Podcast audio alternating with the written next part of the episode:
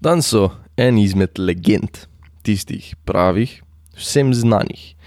Prejšnji teden epizode ni bilo, sem probo mal uh, bolj v pogon spraviti spletno stran s članki, tako da jih je zdaj že mal več in če se kdo odloči pregledati, bo dejansko tudi imel kaj za prebrati.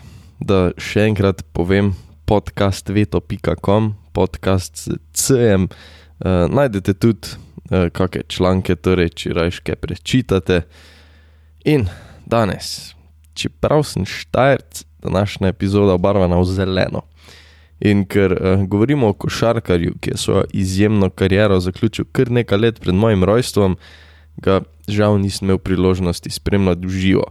Pregledal sem veliko posnetkov, za analizo igre pa sem si precej pomagal z enim res dobrim videom na YouTube kanalu Thinking Basketball uh, v seriji videov z naslovom The Greatest Peaks. Tako da vam priporočam, da si pogledate, ker je res kvaliteta.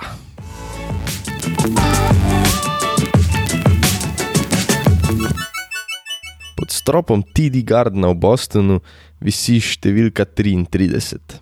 Dres, ki ga je nosil en najboljših košarkarjev vseh časov, novinec leta 1980 in zadnji back to back back MVP lige, Larry Bird smo daleč od tega, da bi naštel vse njegove uspehe. Brt je v svoji spoštovanja vredni karieri trikrat dvignil pokal prvakov, dvakrat prejel naziv MVP-a finala, si dvanajstkrat oblekel All-Star dress in trikrat ugnal konkurenco v tekmovanju metanja tric. Devetkrat je bil v prvi All-NBA ekipi. Več kot očitno lahko vidimo, da je bil all-time great, da je na njem moglo biti nekaj posebnega unikaten v igri, ki so jo tisti čas dominirali velikani. Leta 1978 so Celticsi 206 cm visokega brda izbrali s šestim izborom na naboru in prejeli košarkarja izjemnih statistik, a še večjega občutka za igro. Moža, ki se je v 13 odigranih sezonah torej spremenil v legendo. To je razpihal s potezami, ki še danes odmevajo v glavah navijačev. Na tekmovanje v metu za tri je prišel v ogrevalni opremi in razmontiral nasprotnike. Proti Portlandu se je enkrat odločil igrati le z levo roko, čež da njegove desne niso vredni, in jim je nasul 47 točk. Govorimo o možu, ki je v svoji lovorik polni karieri dosegel 60 točk. Največ je imel kar 17 asistenc, kljub temu, da ni bil organizator igre, največ pa tudi kar 21 skokov. Že tu se jasno vidi njegova raznovrstnost. Brt je še vedno igralec z eno najboljših iger v napadu, ki smo kdajkoli videli. Karjerno je dosegel dobrih 24 točk, 6 asistenc ter 10 skokov na tekmo ob spoštovanja vrednih procentih. Skoraj 50 odstotkov uspešnosti iz igre, okoli 38 odstotkov za 3 in skoraj 89 postoj za črte prostih metov. Badumc. Žal mu je pri 31 letih telo nekako odpovedalo, začele so se težave s križem in čeprav je zatem še bil nekajkrat poklican na Alstar tekmo, ne moremo glih govoriti, da je šlo za brda, ki so ga navijači gledali v njegovih 20-ih. Njegov vpliv na moštvo in predvsem sposobnost igranja ob drugih napadalnih velesilah sta izjemna. Skozi obdobje petih let, od leta 1984 do 1988, je bil Bostonov napad pet pik boljši od ligaškega povprečja. To jih uvršča med deseterico najboljših v petletnih obdobjih. Brdo vpliv, ja. V sezoni 87-88 so bili brez njega le točko boljši od povprečja, z njim kar sedem.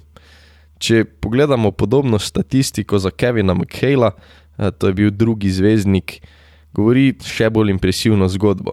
Med 1986 in 1988 so bili, ko so bili vsi zdravi, 10 pik nad povprečjem, brez McHale pa še vedno 6 pik, kar je noro. Brt je torej bil sposoben samodejno dvigniti ekipo do elitnega statusa, Še bolj impresivno pa je, da je znala ekipa na njegovih krilih izkoristiti vso kvaliteto, da si najboljša posameznika nista hodila po prstih, temveč sta igrala skupaj. Kljub temu, da je bil McHale predvsem skorer, kar bi Lerjevi igri načeloma naj nekaj odzelo. Ampak, kaj točno je delalo Lerja tako posebnega? Pa da vidimo. Po mojem je treba prvo izpostaviti njegov občutek za igro. Košarkarski IQ, kak je videl stvari, preden so se dejansko zgodile. Ko gledam posnetke njegovih tekem, njegove highlighte, se res zdi, da je korak pred vsemi na igrišču. To je pripomoglo k njegovi izjemni iznajdljivosti, praktično je manipuliral nasprotnike, ko je imel žogo v rokah. V okolici obroča je prakticiral fake podaje, fake šute, pivotiral in na ta način metal obrambne igralce iz ravnotežja, da je lahko stopil mimo njih in zaključil. Si ustvaril dosti prostora za met ali pa podajo. Bil je zelo neeksploziven igralec, ni imel nekega odriva ali pa nekih uh, jakih fizičnih sposobnosti, tako da ga je bilo mogoče celo strah zaključevati neposredno pod obročem, ker ni mogel parirati dominantnim centrom, ampak je imel neverjeten repertoar floaterjev, teh sozic, teardropov in metov izven ravnotežja. Čeprav torej ni igral na svoje fizične predispozicije, pa je vseeno večkrat igral s hrbtom proti obroču, pa si mogoče celo s kakšnim hip-čekom ustvaril nekaj prostora in na to čaral. Bodi si z že omenjenimi orožji, bodi si je naredil kak šrit in z levo roko vrgel žogo čez obrambnega igralca, kar mu je njegova višina omogočala. Telo je torej vseeno uporabljal kot nek ščit, na to pa s tehničnimi orožji razstavljal obrambe, a večinoma zaključeval kak korak prej, kot da bi se sprehodil čist do obroča, kjer so ga čakali visoki obrambni košarkari. Poleg vseh trikov okoli rakete, pa je bil tudi izvenzemeljski strelec z razdalje. In to v dobi, ko se ni gojil glih stil igre, ki bi bil na kožo pisan dobrim šuterjem. Vsi se zavedamo, da je bila trica takrat precej postranski met. Kljub temu, da je iz očrte več sezon metal 40 posto, dvakrat se je upisal tudi v 40, 50, 90 klub, je skozi vse sezone svoje kariere največ metal tri trojke na tekmo.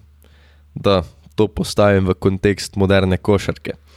Steph Curry je v svoji karieri do zdaj zadev 2832 trojk, Brt jih je v karieri vrgu 1727. Pa dobro, Curry, ipak najboljši šuter vseh cajtov. Jared Dudley, nov trener Dallasa, jih je v karieri vrgel krepko čez 2000. Donke jih ima v treh sezonah na metanjih 1600, tako da je Brdov karierni skupiček 1700 že hudo, hudo blizu. Ampak dobro, njegovi strelski skupički se ne vrtijo okoli loka. Metal je večinoma pol razdaljo, pomembno orožje pa je bil njegov hiter fadeaway, saj je imel zelo, zelo tekoč prehod v met, tako da je bil praktično že ob prejeti podaji v gibanju, ki se je na to neopazno prelevilo v mehaniko meta. Ampak ni rabo skozi žoge v svojih rokah, da bi bil učinkovit. Izjemno se je gibal tudi brez nje. Neprestano se je premikal in iskal luknje za vtekanje, ter že tam mešal štrene nasprotnikovi obrambi, ker je svojemu branilcu velikrat ušel.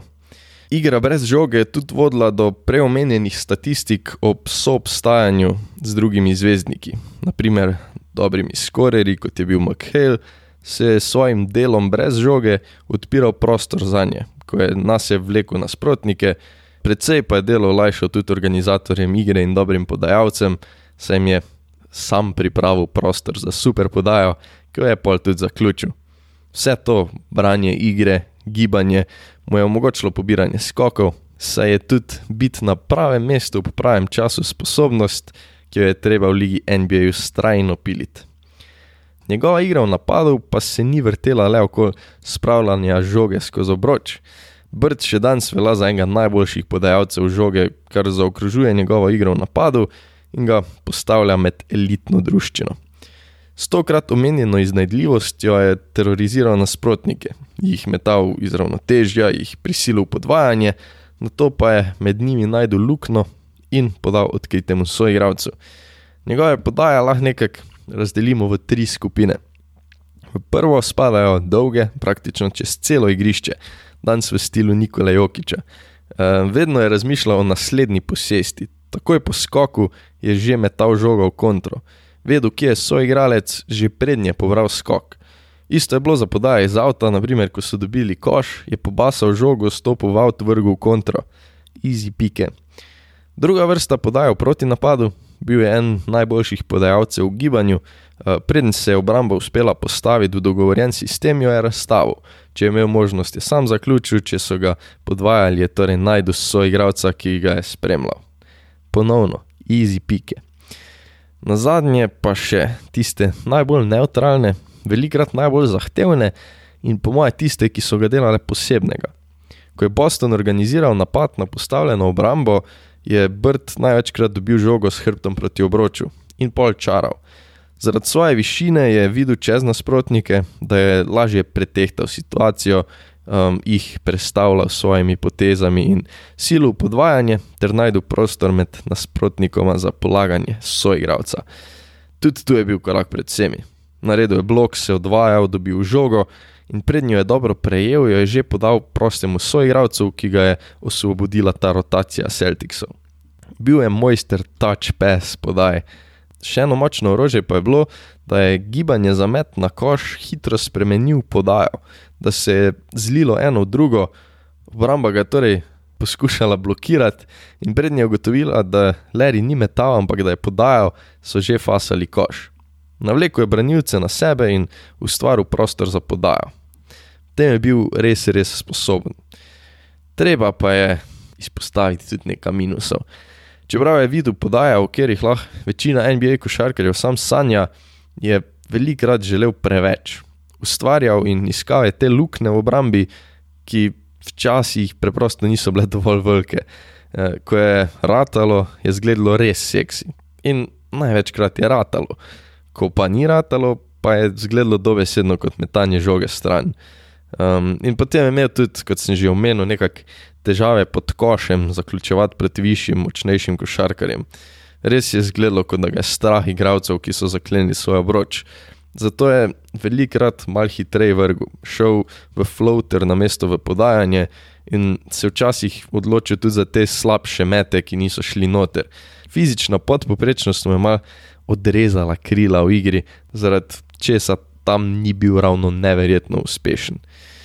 In čeprav je njegova napadalna prezenca veliko bolj pomembna kot obrambna, ker je bil tudi nekako počasen, pa velikrat handicap v obrambi ena na ena, tudi ni bil glih za nič. V končni fazi je bil, in to me je kar presenetilo, celo trikrat izbran v All Defensive drugo ekipo. Um, to mu je, po moje, prinesla sistemska obramba, ki mu je bila zaradi čitanja igre pisana na kožo. Videl je nasprotnikove poteze in lahko hitro reagiral, zapiral linije podaj, pa podvajal raketi, ko je bilo to smiselno.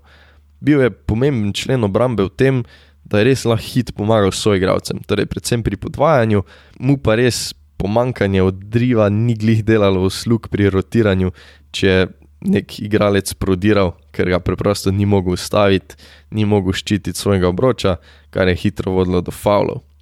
Če je imel več manevrskega prostora in časa, mu je izjemno postavljanje pomagalo pri tem, da je izsiljeval faule v napadu.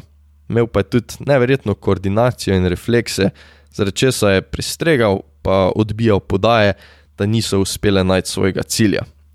V sistemski obrambi je bil torej izjemen, pri čemer mu je pomagalo branje igre, v igri ena na ena pa se je velikrat prenaglil, želel preveč, izpustil svojega igralca.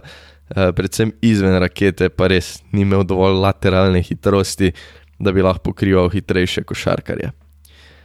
Torej, Larry Legend, iznajdljivost, strelske sposobnosti, košarkarski IQ, neverjetne podaje. Vse to ga je posebljalo kot nočno moro za nasprotnikovo obrambo. Zaradi smrtonosnega fade-awaya so ga probali zadušiti, pa ga je največkrat vsem zadev ali pa je najdel bolj odkrito opcijo svoje ekipe. Mogli so spoštovati njegove nakazane mete, a tudi, če se še niso čisto odlepili od parketa, je že stopil mimo, zadev, zarolal, podal. Nisi ga mogel podvajati, nisi ga mogel kriti ena na ena. Ko je nakazal šut, si mogel skočiti, pa nisi bil ziger, če šut ali podaja. Sej pravi, nočna mora.